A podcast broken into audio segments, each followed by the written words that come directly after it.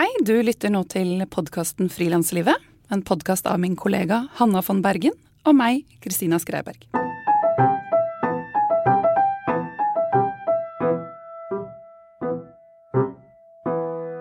Jeg befinner meg i Trondheim, hvor jeg har vært på jobboppdrag i noen dager. Og jeg benytter selvfølgelig muligheten til å intervjue en frilanser herfra mens jeg er her. Med meg i dag har jeg Ståle Gerhardsen. Han lager kunst, på alle måter som han syns er logisk å gjøre kunst på.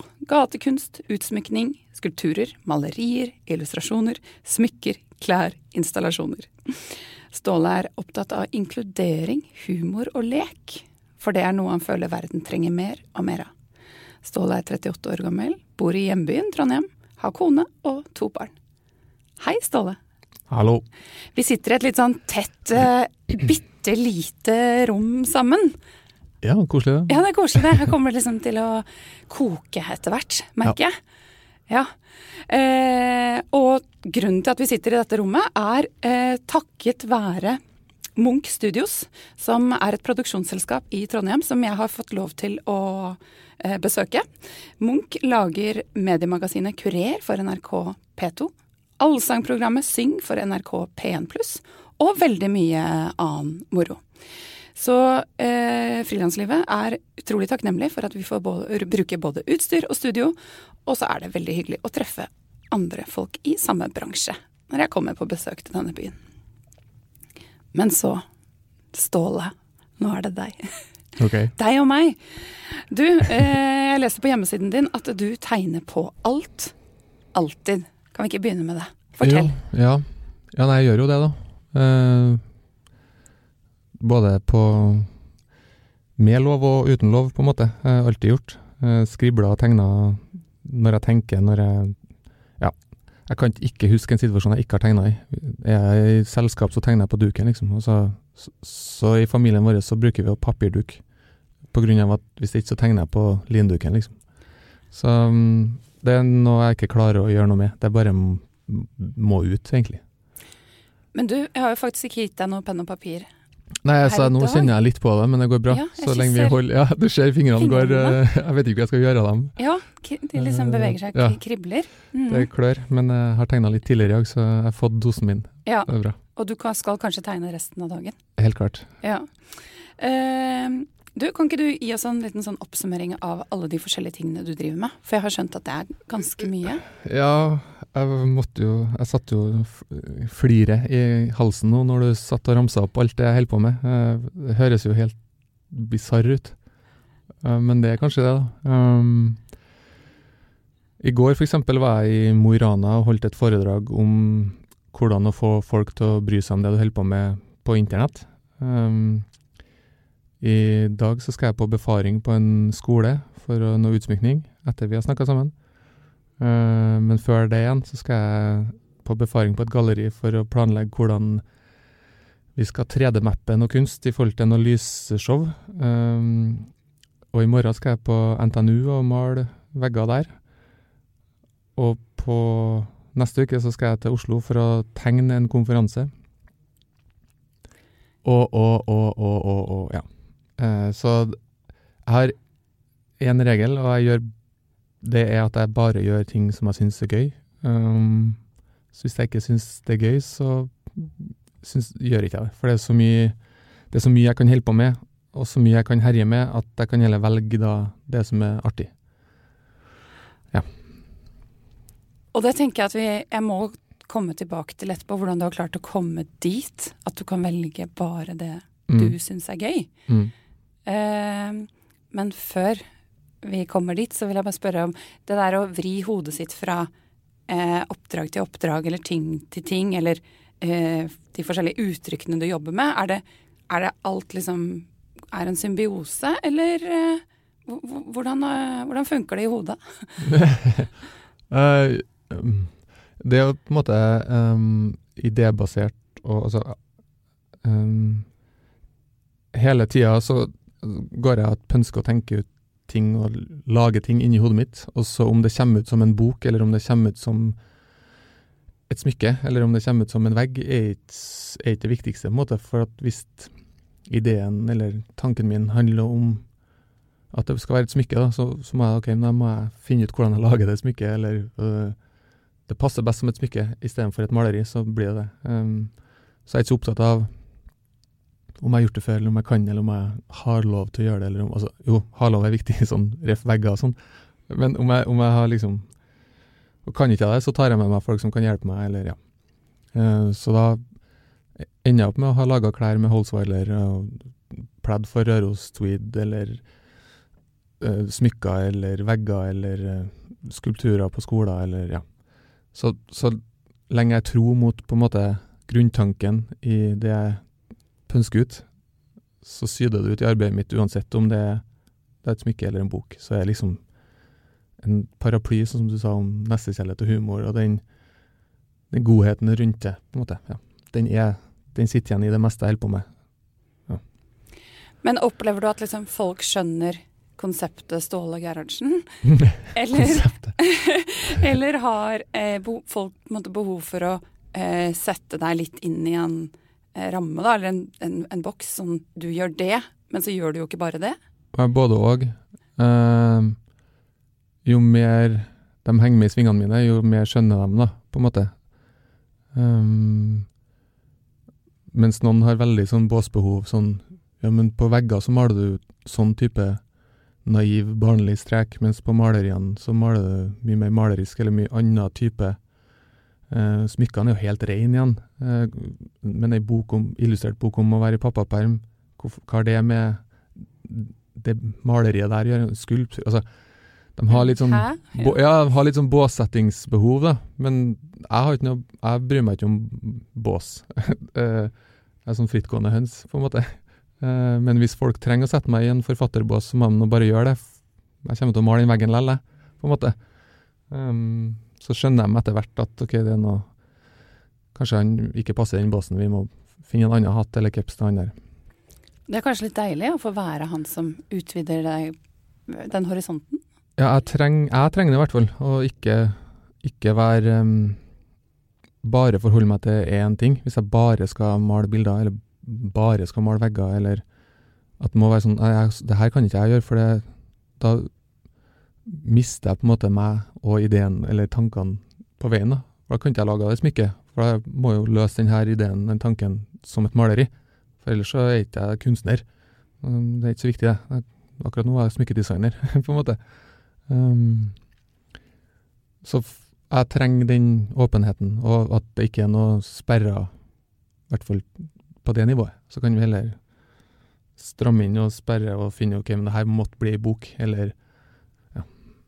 Det må jo være ganske gøy å jobbe så fritt, eller? Jeg syns det er helt fantastisk, hvis det er lov til å Jeg er så fornøyd med arbeidshverdagen min at jeg jeg har tatt og faktisk så, Sånn som når du vet at når du drømmer Eller nei, det er et sånn saying sånn eh, Du har det så bra at du må klype deg sjøl i armene for å sjekke om du drømmer. Eh, og det er litt sånn.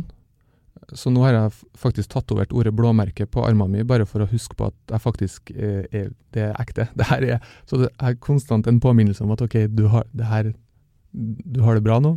Fortsett sånn, liksom. Uh, og det er uavhengig av oppdrag eller penger, alt. Det, det, er bare at det er akkurat sånn som det er nå. Sånn er bra. Så, da, så kult. Ja, ja, ja det syns jeg òg. Men dette som du sa i sted, eh, at du har bestemt deg for bare å gjøre ting som er gøy. Altså, hvordan har du kommet dit? Og når merket du et skifte? At du kunne ta bare ting du syns var gøy? Liksom, um, kan du fortelle litt om den veien? Ja, det jeg har gått en lang eh, vei, sånn. Det er ikke bare sånn at jeg våkna en dag og gjorde hva jeg ville. Eller jeg gjorde jo det, da, men da um, Jeg har på en måte Jeg jobba i 15-20 år i design- og reklamebransjen. Um, der jeg har jobba på brief uh, for kunder. Jeg har vært med og eid uh, designbyrå, jeg har vært festivalsjef for en festival, designfestival. Jeg hatt et klesmerke, så jeg har alltid gjort kreative og veldig artige ting. Uh, men det på en måte har alltid vært en kunde med en brief i enden, da. Ikke i enden, i begynnelsen. Uh, som jeg må forholde meg til om liker rødt eller vil ha en stor logo. Altså. Og det er jo kjempeartig og interessant og superkule utfordringer, det òg. Uh, Men så har jeg hele tida på sida gjort kunsten og egne prosjekter. Så jeg jobba liksom åtte timer om dagen, så jeg jobba på kveldstid åtte timer med egne prosjekter. Og sånne, sånne dager klarte jeg bare å holde på med i 15 år. Kun 15 år? Ja. før, jeg, før, jeg, fant ut at ok, kanskje jeg skal prøve å gå all in. da. Jeg trenger de åtte timene på dagtid. Hva skjer hvis jeg legger ned den energien eh, som jeg har i vanlig arbeidstid på mine egne prosjekter, egne ting? Eh, bøker, smykker, kunsten, veggene. Det skal ikke så mye til før jeg kan forsvare en lønn, da, tenker jeg. Sånn. Um, og hvis det går på trynet, så kan jeg jobbe på Rema igjen. For jeg har jo vært kassadame på Rema 1000 mens jeg bygde opp klesmerket mitt for 1000 år siden. Sånn at når jeg skjønte at jeg kunne si opp det som jeg så på som drømmejobben, og slippe den helt, fordi at jeg kunne bli hva som helst etterpå, om jeg mislykkes med prosjektet mitt, men så var det en sånn befrielse at jeg torde å torde å slippe den, sjøl om det var liksom plommen i egen eh, for å satse på egne prosjekter der ingen andre enn jeg sjøl bestemmer hva jeg vil lage, og så må jeg forholde meg til om folk vil bruke pengene sine eller tida si på det. Så har jeg vært så heldig at jeg faktisk kan leve av det, at folk vil ha det jeg lager, og står egentlig litt i kø og venter på at jeg lager noe nytt. Sånn at jeg har den ref blåmerketatoveringa, liksom. Den situasjonen er helt ko-ko. Uh, så jeg bare håper det fortsetter sånn, at det går an til å leve av å lage det som kommer innenfra, og ikke at det kommer noe utenfra og, og si 'lag det her', på en måte. Hvilket år sa du opp uh, jobben? Uh, det er bare um, to år siden, tror jeg. To og et halvt, tre år. Ja, ish. Ja. Uh, 2016. Ja. ja. Um, og så er det noe oppsigelsestid og sånn. Men ja, da hadde det begynt å ta litt av på sida, sånn at jeg måtte velge. da, Enten så må jeg roe ned kunstbiten og etterspørselen der, eller så måtte jeg gå all in. Og så tenkte jeg at det fortjente å bli satsa på og testa ut, og så får jeg heller krype til korset og finne på noe annet hvis det ikke funker. Og den tankegangen har jeg ennå. Så hvis det her ikke funker i morgen, eller om ett år, to år, tre år, fire år, så finner jeg på noe annet. Da har jeg i hvert fall prøvd det, og vært der. Men sånn som det kjennes ut nå, så håper jeg at det bare er sånn forever, for det er en veldig kul um, situasjon å være i. Og det, det, går ikke en dag, eller kanskje det går en dag, men det er det er ikke lenge mellom jeg får mailer eller forespørsler om, om alt mulig hele tida, og jeg sier alt fra ting Altså, ting jeg ikke vil gjøre, sender jeg videre til folk som jobber på brief. og ting som jeg har lyst til å gjøre, prøver jeg å få til. Og det er sånn, så jeg har liksom booka utstillinger langt ut i neste år og så Sjøl om det liksom skal være så uforutsigbart, det her, da, så er det ganske forutsigbart likevel.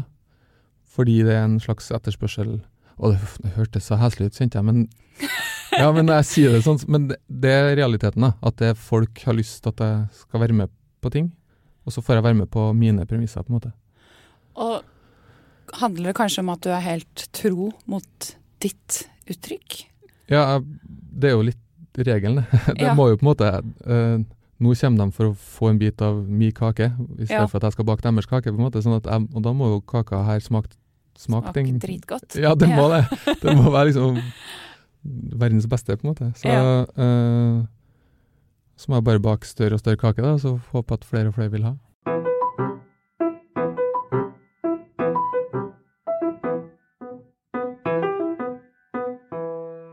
Dette med inkludering, humor og lek, nestekjærlighet og samhold. Dette er ting du beskriver på, eh, i teksten om deg, da, om ting som er viktig for deg. Mm. Kan ikke du fortelle litt om, eh, om, om, om det verdisynet? Um, det er så mye drit i verden. Naturkatastrofer, uh, presidenter som tweeter og trasher damer. Uh, Metoo altså, Det er så kriger, alt nettroll Det er så mye fælt å peke på og se. Uh, fattigdom, alt korrupsjon, alt mulig. Og kunne ha fokusert og, og, og pekt på det og, og syntes vondt om det. Men da føler jeg at jeg bare har bidratt til en sånn uh, negativitet, da. Um, ikke at man ikke skal peke på det, altså, men jeg har heller lyst til å fylle, fylle min plass, eller min eh, talestol, eller sånn med, med uh, gode ting, da. Uh, lag kule ting for å gjøre verden kulere, på en måte. Så enkelt og naivt er det. Eh, Jeg ser at det er en sånn liten figur eh, med strippete genser og stort smil og sånn spinkel kropp som går igjen i veldig mye av arbeidene dine. mm. Som du har tegnet på skoler og vegger og ja. Overalt. Mm. Eh, er han et ledd i det her, eller hvem er han? Ja, nei eh, eh, Ja. Eh, det er bare en slags kanal for å få ut eh, budskap om um, Ikke kjærlighet høres jo veldig voldsomt ut, og 70-tallskameratene ut, men sånn uh, En katalysator, da. En, eh, en, når folk ser denne figuren, da, så skal de umiddelbart få noe smilehull. Uh, jeg har lyst til å lage flest mulig smilehull rundt omkring, for da tenker jeg at folk som smiler, trash, trasher ikke folk på internett etterpå. Eller altså de um, Mm. Om du ikke liker at det er så naivt eller barnlig, så er det òg greit. og det, der, det går bra. Men eksempel så lager jeg en utsmykning på sykehuset her i Trondheim. Det var en avdeling som, der du skal komme inn og ta tisseprøve mens folk kikker på. Fordi du enten har mista førerkortet ditt, eller er rusavhengig og må ta tisseprøve for å bevise at du er fris, er rusfri. For ja, ulike grunner, ikke sant. Det er en jævlig trykka og kjip situasjon å være i. At folk skal stå og følge med at du tisser. Det er litt sånn ydmykende og ekkelt, og jeg ser for meg det må være en, en ja, Jeg har skjemtes litt hvis jeg måtte dit, på en, annen- ja, for min egen del, eller overfor den som skal følge med meg tisse og sånn. Uh, og da løste jeg det med å, å lage For at de uh, tisser oppi sånne engangskaffekopper. Og der syns jeg det var så mye humor, at jeg står i den situasjonen. Pinlig ekkelt, og står de og tisser på sånn som jeg forbinder med sånn foreldremøtekaffekopp, hvis du skjønner. Uh, Men den kaffen er jo bare piss. ja, ikke sant? Så det er derfor. Så da tenker jeg at uh, for å løse opp litt stemninga og uh, gjøre det hele til en mer ufarlig, mye mindre klein situasjon, da, så malte jeg to figurer på en vegg. For det første du gjør når du får besøk, er å tilby kaffe til noen, sant? Vil ha kaffe? Det gjorde jeg når jeg kom hit da. Skal du ha kaffe? Ja takk. Um, så da tegna jeg en som tilbyr kaffe, og så takker jeg den andre nei takk, for at koppen hans er stappfull av piss. da. Og så er det en sånn veldig teit og barnlig, men humoraktig måte å ta brodden av en kjip situasjon på, som gjør at når de kommer dit, så kan de kanskje senke skuldrene ett hakk mer, som gjør at det er lettere å tisse, at det blir mindre styr med prosessen. Og mer tiss i koppen. Mer tiss i koppen.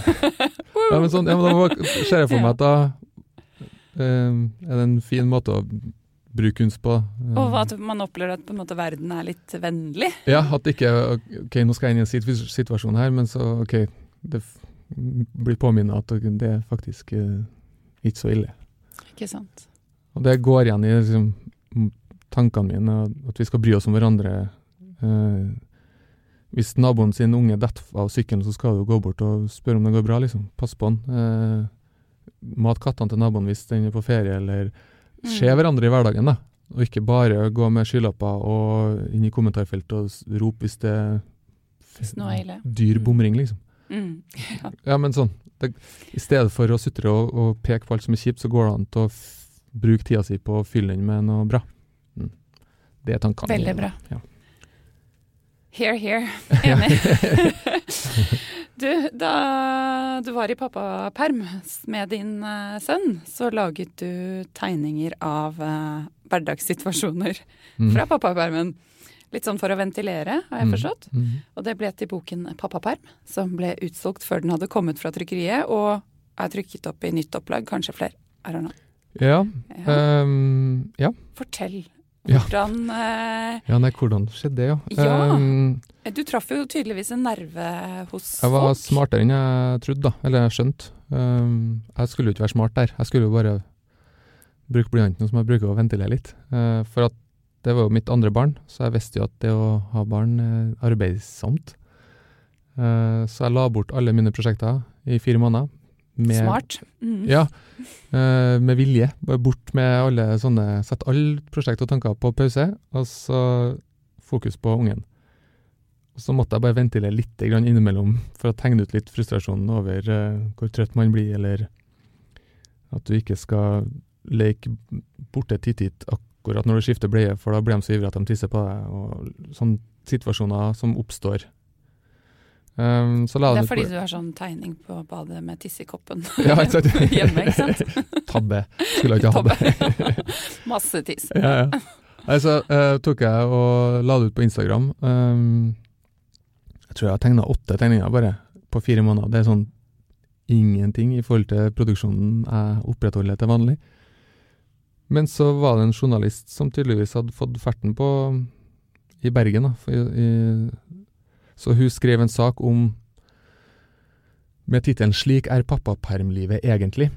En sånn clickbait-vennlig eh, tekst, men samtidig så intervjua hun meg, da, og med stort bilde av meg med de åtte tegningene og sånn, som egentlig ble litt sånn at Ståle har fasiten på hvordan det er å være i pappaperm. Sånn er det. Eh, og så fikk den tydeligvis så mye klikk, da, at den også ble lagt på Adresseavisa, som de har samme eiere, som gjør at det ble ganske mye eh, visninger rundt omkring.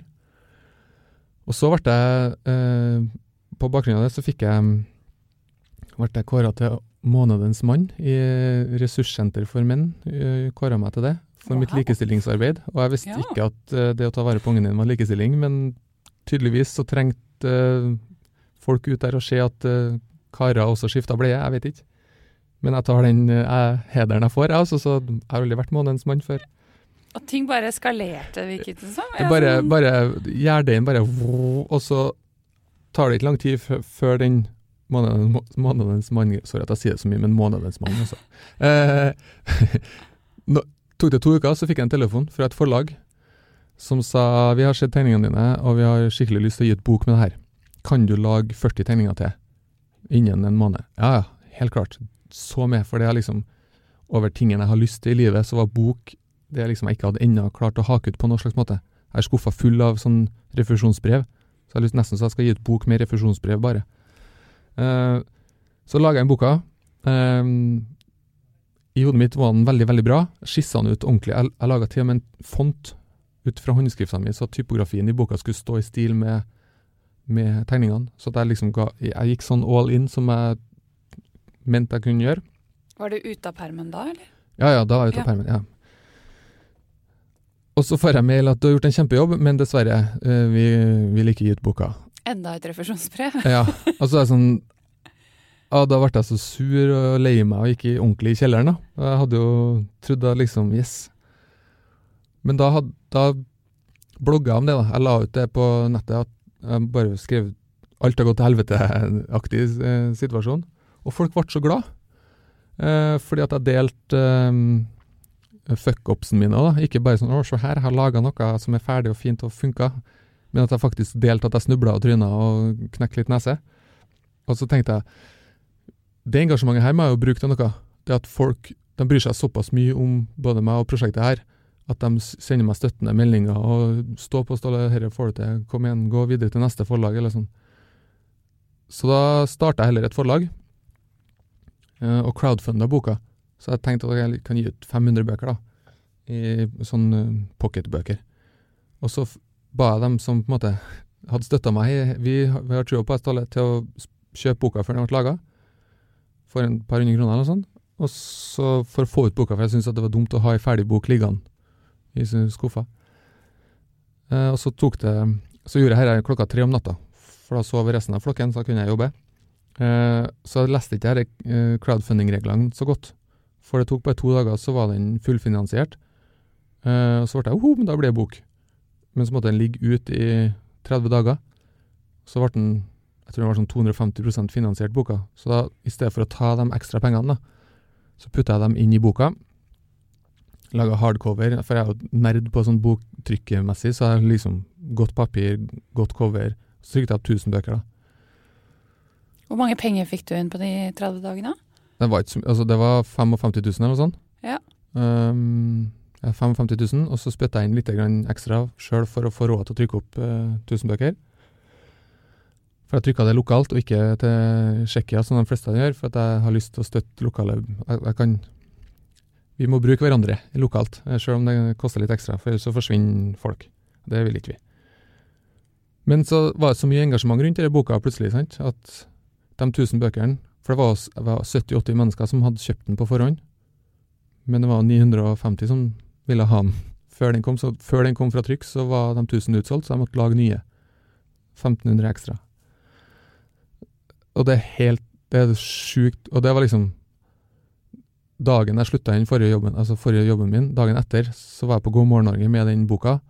Uh, og, og, og, så det, det, å lansere bok når du slutter, var litt lurt. Sånn. Det høres veldig lurt ut. jeg var mye lurere enn jeg skjønte, sant. Og så, nå er jeg snart, uh, snart tom for andreopplager, så får vi se om jeg tør å trykke noe flere, eller om det bare kan være sånn. For det går ikke ut på dato.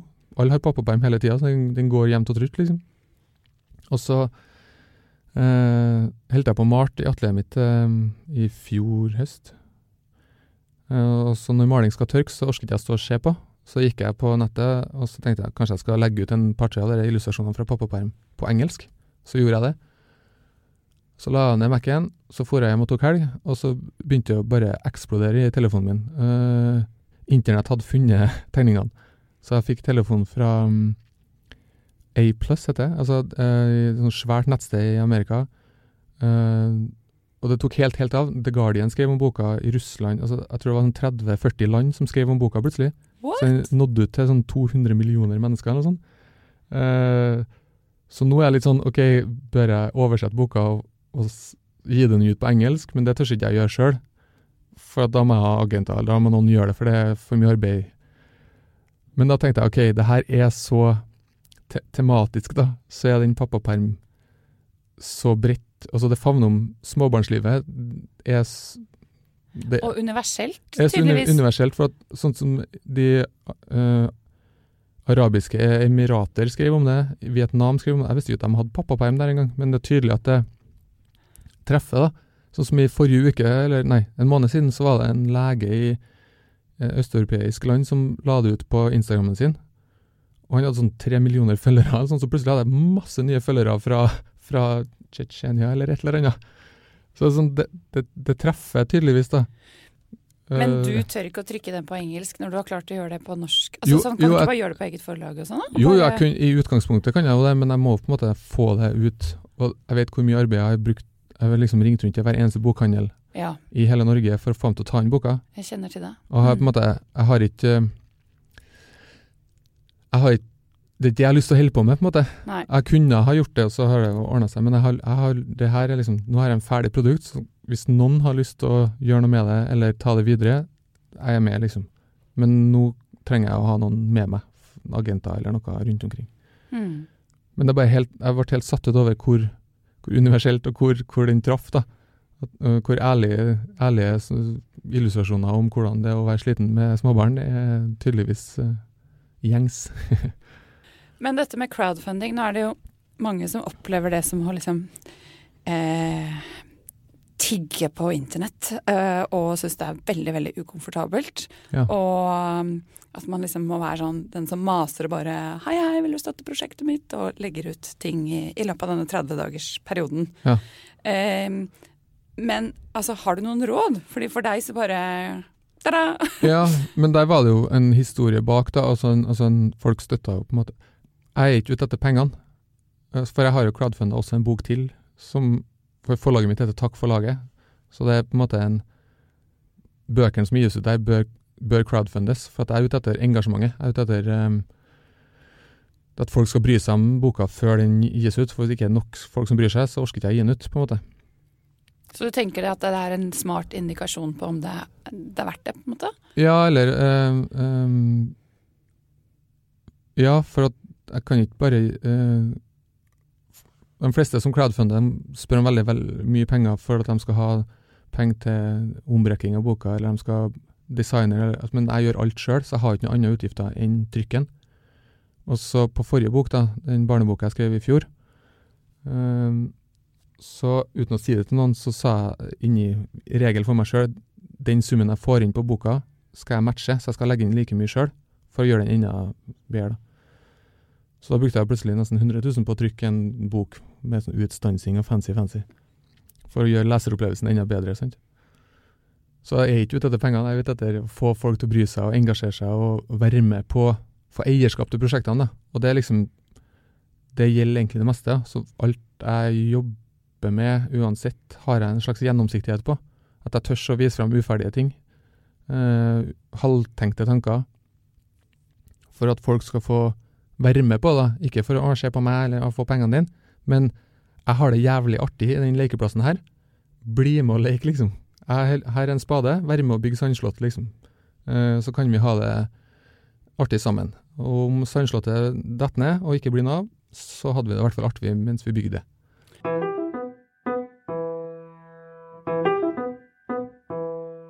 Og hvilke kanaler bruker du for å ha denne måte, dialogen med publikummet ditt? Nei, det er nå eh, de kanalene jeg har tilgjengelig, da. Eh, Facebook, eh, Instagram, Snapchat er jeg litt dårlig på, for jeg syns den er litt styrete.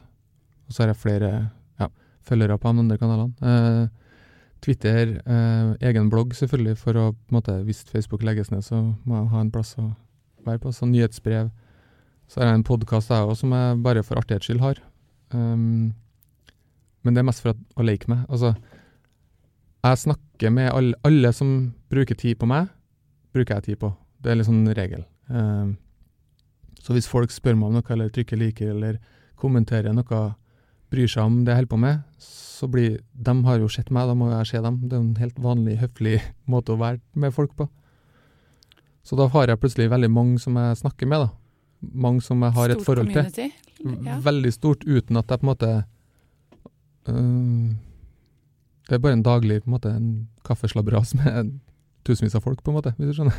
Hvor mye jeg er nysgjerrig på det her, altså. Ja. det tror jeg mange er. Men, Fordi det er jo en del av å bygge merkevare. Ja. Eh, og det å klare å nå, nå frem, da. Mm. Men hvor mye tid investerer du i det eh, sosiale kaffeslabberasrommet? Masse. Mm. Jeg bruker Jeg har ikke noe markedsføringsbudsjett, eller jeg har ikke noe Vi må på en måte alle sammen slåss i vår hverdag for å være synlige, da. For å komme inn Sånn som øh, du sitter på kvelden i sofaen og ser på Netflix, og har valgt å se på Netflix, men du ser ikke på filmen, for du ser på mobilen din i stedet. Eller på iPaden, eller du Mac-en og jobber litt, så har sånn tre-fire skjermer å forholde deg til, samtidig som du sitter sammen med noen i sofaen som også har sine skjermer. Og så sitter dere med hverandre, ikke sammen, øh, på en måte. Nå snakker jeg ikke om deg, sånn, sånn, men bare sånn konseptet. Jeg Snakker Eh, ikke om akkurat deg som lytter heller. Nei, nei, nei. Men det er bare en sånn uh, Det er forska på folk altså, Det moderne Ja, livet. ja. Uh, Og så inni der, da. Inni alle de skjermene, inni den hverdagen, inni nyhetene, inni en ny tweet fra Donald Trump, inni alt der, skal du komme ut med ditt budskap. Hør på radioen min, eller eh, kjøp smykke her, eller å, se, jeg har laga herre, eller eh, ja. Og for å få til det, da, så må du på en måte gjøre noe som folk gidder å bruke tida si på. Altså være foretrukken på et eller annet nivå. At ok, men her er borti er det artig. Borti til en Ståle, den sandkassa han har laga her, det er kult, det får vi å sjekke innom, innimellom. Det vil vi følge med. For der skjer det så mye artig. Det plutselig kan det være en bok eller et smykke eller uh, Nei, jeg var ble litt mye Nå syns vi det var masete borti kassa her, da finner vi på noe annet i stedet. Så får de nå gjøre det, da. Men inni den lille verdenen jeg har skapt, så eh, prater vi sammen alle sammen, og folk kommenterer og ja. Så det er litt sånn um, Men da du sa at du bruker masse tid på det, hva er masse tid da? Hvor mange timer i, om dagen eller i løpet av uka? Liksom? Nei, det er noe, jeg har sånn app som regner hvor mye skjermtid jeg har på mobilen, og det ligger på en sånn eh, fem-seks timer på Men det er jo for at uh, jeg er innom og sjekker, eller jeg bruker tid til å ta bilder av ting, altså, så det er ikke så mye. Men eh, det er nok, ja. Ja. Eh, og så er jeg og bryr meg om andre. Så det skal ikke bare handle om meg, men jeg, eh, også om hvis jeg har lest ei kul bok, så jeg sjekker denne boka her, da, til f.eks. Steffen eh, Kvernland, som har laga ei fantastisk bok nå. Da må jeg snakke om den òg, for da har jeg mulighet til å se her, min gjeng som vi lekekameratene mine.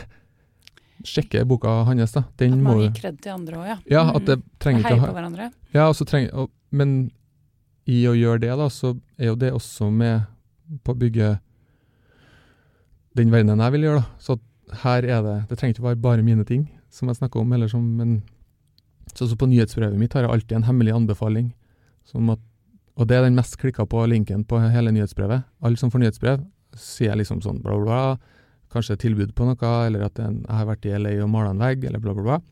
Og så står det nederst sånn hemmelig anbefaling, og den er den som alle klikker på. Alle som mottar, klikker på den, og da er det til en ny låt som jeg syns er kul, eller til teaterstykket som noen venner av meg setter opp som jeg bør ses, eller Og den der paid forward-aktige greia kan funke i en sånn verden òg, da. At ikke Så da blir det ikke en sånn å, crowdfunde boka mi, vær så snill. Det blir ikke et sånt mas, fordi at vi hele tida skaper innhold og snakker sammen.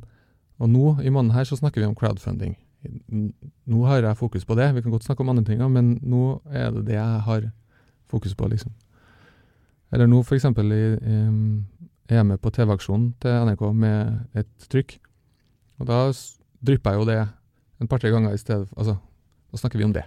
Og så blir det delt, og de hjelper til å Hvis ikke de har lyst til å være med og by på det, så bidrar de til å spre det for at andre kan by på det. på en måte. Og det gagner jo da TV-aksjonen igjen. Så ja. Mm. Um, så jeg ser ikke altså Alt bygger alltid, samtidig som at jeg tenker ikke på det som bygging. Jeg bare jeg vil ha det kjempeartig i hverdagen min. Og hvis noen andre vil være med og ha det artig sammen med meg, så det er supert. Så velkommen, på en måte. Og internett er så svært, og der har du plass til hvor mange som helst. Hadde jeg vært hjemme i stua mi, så hadde jeg ikke hatt så mange på Ja. altså, jeg får jo inntrykk av at du har ganske stor kapasitet. At du jobber og produserer eh, mye. Mm. Eh, hvordan er balansen mellom jobb og familielivet, eller livet for øvrig? Jeg jobber jo mindre nå da, enn jeg gjorde når jeg var både og. Eh, og så er jeg jo mer konsentrert om mine prosjekter. Men jeg jobber jo hele tida. Jeg er jo aldri ikke på jobb. Um, men nå er det jo sånn at jeg kan jeg kan spise middag med familien og likevel ha et prosjekt i bakhodet og bry meg om hva ungen holder på med, på en måte. Um, så jeg, jeg syns vi har en fin balanse og er på skoleavslutninga og henger med i svingene. og Sånn som nå holder jeg og dattera mi på å lage en halloween-kostyme til hus, og da har hun vært med meg hver kveld nede på atelieret, så har vi stått og laga det sammen. på en måte. Og Da er det jo hun som blir med meg inn i lekekassa mi, på hennes initiativ, og lage og ordne. Hun, hun hadde kanskje den kuleste halloween-kostymen jeg noen gang har sett, og hennes egen idé. Hun ville være jusboks. For jus er ikke bra for tennene, har hun fått med seg, sånn da men hun skal gå og samle inn godteri, ja, så det var noe mismatch der, men greit. Godteri er mye bedre enn jus ja. for tenna. Ja, ja, ja det sånn, men også Logikken brast litt, men ideen var så kul, så nå holder vi på å male og lage den jusboksen sammen. Så da får hun prøve sprayboks og ma maske, og så maler vi årene. Og, ja. Så kult. Så det går an til å på en måte eh, henge med ungene og bry seg, men også dra dem inn i sin verden, da, så at de får se hva jeg holder på med. Skjønner de at uh, man faktisk Eller de skjønner jo sikkert at man kan være voksen og leke, eh, og ha leking som jobb, da. Ja, dem tror jeg skjønner det, ja, i hvert fall. For det, både jeg og mora er Det er mye humor hjemme, da.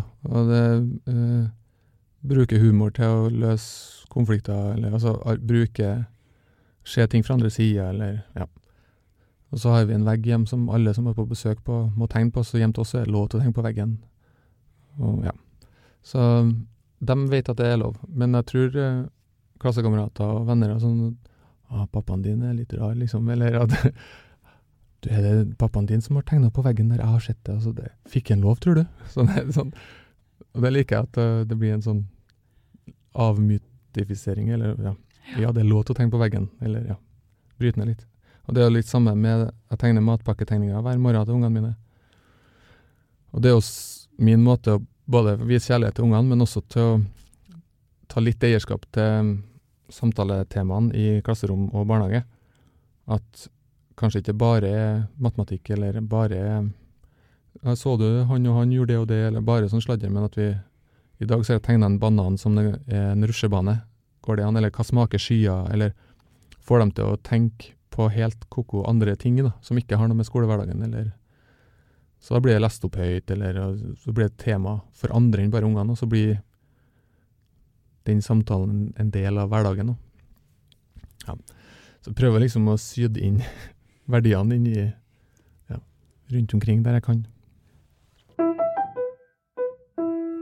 Hvordan holder du hodet ditt i sjakk med så mange ting eh, og prosjekter og sånn? Eh, det jeg lurer på er, har du noen sånn verktøy du bruker, eller noen konkrete ting du gjør for at Ståle skal ha det bra?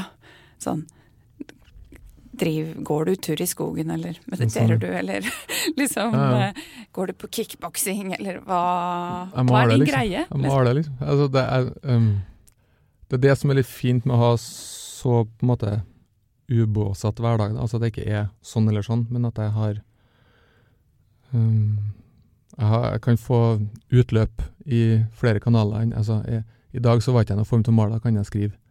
Eller, så, jeg, så lenge jeg får skap, så er, det, er jeg fornøyd, på en måte. Og så prøver jeg å svømme litt, altså ikke skal bli så statisk, men eh, det, ja. Men eh, jeg har ikke noe verktøy, og jeg har ikke noe jeg har, jeg har bare hodet mitt som jeg sorterer ting i, og så prøver jeg å få med fær på mest mulig input, for jeg lager så mye. Um, så at alt inspirerer, på en måte, så at jeg ser folk og følger med. Ehm, og det inspirerer meg, og gir meg på en måte en slags ro. Å kunne studere og se folk og hverdager og museum, eller ja. Det trenger ikke å være kunst, eller må ikke være i bok. Det kan være hvermannsen. Mm, så se, ja, få sett andres Ja, bare annen kunst også. Mm. Ja. Noen, det var noen som beskrev meg som en svamp en gang. og det syns jeg var litt sånn Ja. Ja, Jeg svampet det kan jeg se, alt. Ja, ja. meg på en måte alt av inntrykk, da. Hun sa at jeg svampet til meg hvert et gjesp på bussen, liksom. Alt bare Og da har jeg også da åpen kanal, da, så at alt fer ut òg, ikke sant. Gjennom blyanten, da. Eller gjennom hva som helst. Ikke gjennom hva som helst, det hørtes svært ut. Men, men, men at så, så eh, alt jeg tar inn, må kanaliseres ut igjen, på en måte. Er det noe som holder deg igjen når du går i gang med prosjekter? Altså sånn, har du noe Har du noe som helst frykt i deg? Eller noe som helst sånn eh, Nei, nei, det går galt. Eller noen sperrer? Hele, jeg har hele tida Hele tida frykt Men ingen sperrer. uh, jeg er ikke redd for nei, på en måte. Jeg er ikke redd, er ikke redd for å tryne. Uh, og jeg må ikke tilfredsstille alle sammen ut der. Så det er mer for egen del at ideene jeg har i hodet, ser sånn og sånn ut, og, og så er jeg redd for at ikke jeg får den gjennom til at du ser hva jeg tenker, da, på en måte. Eller og om det er bra nok, eller Så hver mandag tror jeg jo jeg er konkurs. Så jeg ringer jo regnskapsføreren min hver mandag. Jeg er konkurs i dag. Altså, du har noia litt, du òg? Det er eh, en sunn noia, hvis du skjønner. Det er en sånn som eh, Sjøl om det går bra nå, så skal ikke jeg hvile på laurbærene. Jeg skal stramme meg opp. Og, så jeg ringer han på kødd, men jeg ringer faktisk hver mandag. Jeg er konkurs nå, og så flirer han bare av meg. Slapp av. Gå og male eller et eller annet. For det, går fint. Jeg skal si fra. Men den gangen han sa ja, nå er du konkurs til meg, så ble jeg Men så var det bare for å kanskje si slutt å ringe meg på mandagene, liksom. Her er andre ting å gjøre. Så jeg, um, forretningsmessig uh, jeg, har et sånn, jeg har et sånn høyt tak på trygghet, da. For jeg er så redd for at jeg ikke kan få lov til å gjøre hva jeg vil. Sånn at jeg vil til enhver tid ha en sånn sikkerhets... En, jeg vil vite at jeg har lønn om tre måneder, fire måneder, fem måneder, et år, på en måte. Og da må jeg være flink og nøktern økonomisk, og så må jeg Så der er jeg mer noiant. Men på utøvende ting jeg har ikke noe, noe sperre eller noe frykt på den måten. Så du har vært bevisst på å skape deg liksom, et godt sånn, et sikkerhetsnett, altså sånn økonomisk eh, Ja, For at du kan leke Ja. så mye du jeg, den, vil. den friheten er så viktig for meg.